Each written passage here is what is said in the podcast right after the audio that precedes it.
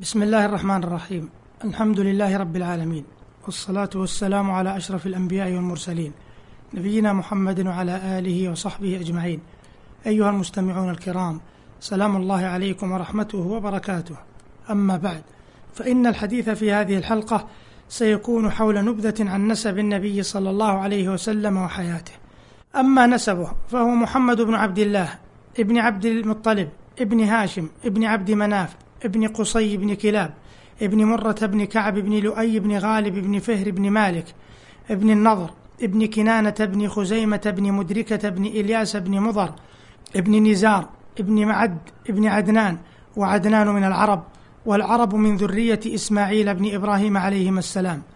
وأم النبي صلى الله عليه وسلم هي آمنة بنت وهب ابن عبد مناف ابن زهرة وزهرة أخو جد النبي صلى الله عليه وسلم. وقد تزوج بها عبد الله والد النبي صلى الله عليه وسلم وأقام معها في بيت أهلها ثلاثة أيام فلم تلبث أن حملت بالنبي صلى الله عليه وسلم ولم تجد في حمله ثقلا ولا وحما كما هو شأن المحصنات الصحيحات الأجسام. وقد رأت أمه رؤيا لما حملت به وقد مر ذكر الرؤيا في حلقة سابقة. أما ولادته صلى الله عليه وسلم فقد ولدته أمه سوي الخلق جميل الصورة صحيح الجسم وكانت ولادته عام الفيل الموافقة للحادي والسبعين بعد الخمسمائة للميلاد. وقد توفي والده وهو حمل في بطن أمه فكفله جده عبد المطلب وأرضعته أمه ثلاثة أيام ثم عهد جده بإرضاعه إلى امرأة يقال لها حليمة السعدية. وكان من عادة العرب أن يسترضعوا لأولادهم في البوادي حيث تتوافر أسباب النشأة البدنية السليمة. ولقد رأت حليمة السعدية من أمر هذا الرضيع عجبا ومن ذلك أنها أتت مع زوجها إلى مكة على أتان هزيلة بطيئة السير وفي طريق العودة من مكة وهي تضع الرضيع في حجرها. كانت الأتان تعدو عدوا سريعا وتخلف وراءها كل الدواب مما جعل رفاق الطريق كلهم يتعجبون.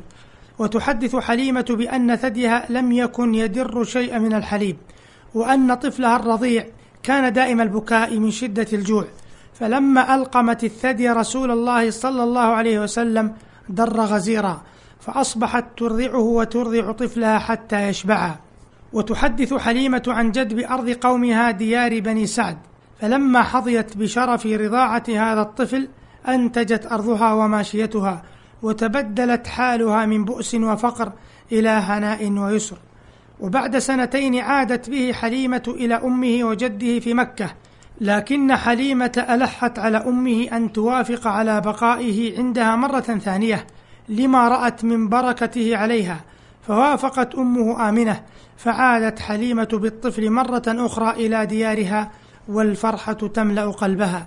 وبعد سنتين عادت به حليمة إلى أمه وعمره آنذاك أربع سنوات فحضنته أمه إلى أن توفيت وكان له من العمر ست سنين فكفله جده عبد المطلب سنتين ثم توفي وقبل وفاته أوصى به ابنه أبا طالب عم النبي صلى الله عليه وسلم فحاطه بعنايته كما يحوط أهله وولده إلا أنه كان لفقره يعيش عيشة الشرف فلم يتعود صلى الله عليه وسلم نعيم الترف.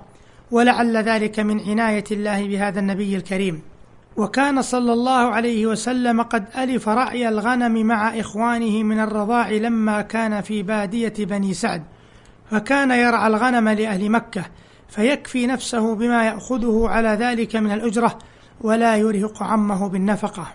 ثم سافر مع عمه أبي طالب في تجارة إلى الشام وله من العمر اثنتا عشرة سنة وشهران وعشرة أيام. وهناك رآه بحير الراهب وبشر به عمه أبا طالب وحذره من عدوان اليهود عليه بعد أن رأى خاتم النبوة بين كتفيه. ثم إنه سافر مرة أخرى متجرا بمال لخديجة بنت خويلد فأعطته أفضل مما كانت تعطي غيره إذ جاءت تلك التجارة بأرباح مضاعفة بل جاءت بسعادة الدنيا والآخرة. وكانت خديجة هذه أعقل وأكمل امرأة في قريش حتى كانت تدعى في الجاهلية الطاهرة لما لها من الصيانة والعفة والفضائل الظاهرة. ولما حدثها غلامها ميسرة بما رأى من النبي صلى الله عليه وسلم في رحلته معه إلى الشام من الأخلاق العالية والفضائل السامية وما قاله بحير الراهب لعمه أبي طالب في رحلته الأولى إلى الشام تعلقت رغبتها به وبأن تتخذه زوجا لها وكانت قد تزوجت من قبل وتوفي عنها زوجها فتم ذلك الزواج الميمون وكان عمره آنذاك خمسة وعشرين سنة وعمرها قريبا من أربعين سنة. ولم يتزوج عليها طيلة حياتها ولا أحب مثلها وتوفيت بعد البعثة النبوية بعشر سنين فكان كثيرا ما يذكرها ويتصدق عنها ويهدي لصاحباتها وهي الزوجة التي رزق منها جميع أولاده عدا إبراهيم فإنه من زوجته ماريا القبطية. هذه أخباره وسيرته قبل النبوة وبدء الوحي على سبيل الإجمال. وإلى هنا ينتهي وقت هذه الحلقة. والسلام عليكم ورحمة الله وبركاته.